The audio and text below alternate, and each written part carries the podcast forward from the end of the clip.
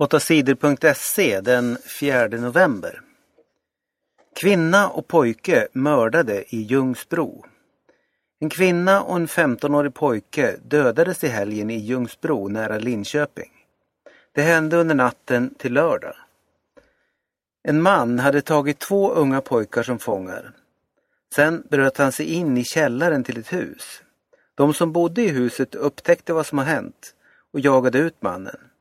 Mannen tog med sig en av pojkarna när han flydde. Ute på gatan försökte ett annat par få mannen att släppa den 15-årige pojken. Då slog mannen ihjäl kvinnan och pojken med ett järnrör. Det skriver tidningen Aftonbladet. Polisen har tagit fast mannen. Han sitter nu inlåst på ett sjukhus för psykiskt sjuka. Han är misstänkt för att ha mördat kvinnan och den 15-årige pojken. Den misstänkte mannen är känd av poliserna sedan tidigare. Han har dömts för flera andra brott. Mannen säger att han inte har dödat kvinnan och pojken.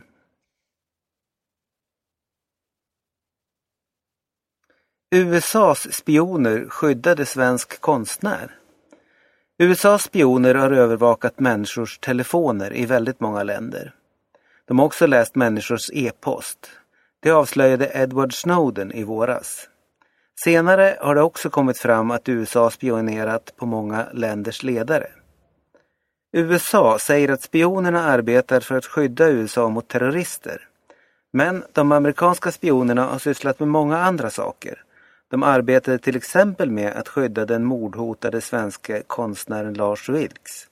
Det skriver tidningen New York Times.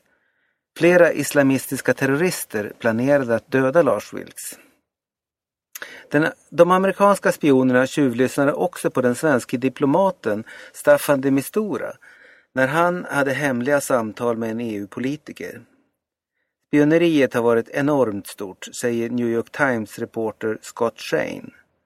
Den brittiska tidningen The Guardian skriver att Danmark och Norge hjälpt USA att spionera. Falkenberg klart för allsvenskan. Falkenberg spelar i allsvenskan i fotboll nästa år. Det blev klart när laget vann helgens match i superettan mot Ängelholm. Falkenberg vann med 4-2. Efter matchen blev det firande med guldhattar och champagne. Det är första gången som lilla Falkenberg får ett lag i den bästa serien. Det är stort det här, sa den lycklige tränaren Hans Eklund på segerfesten.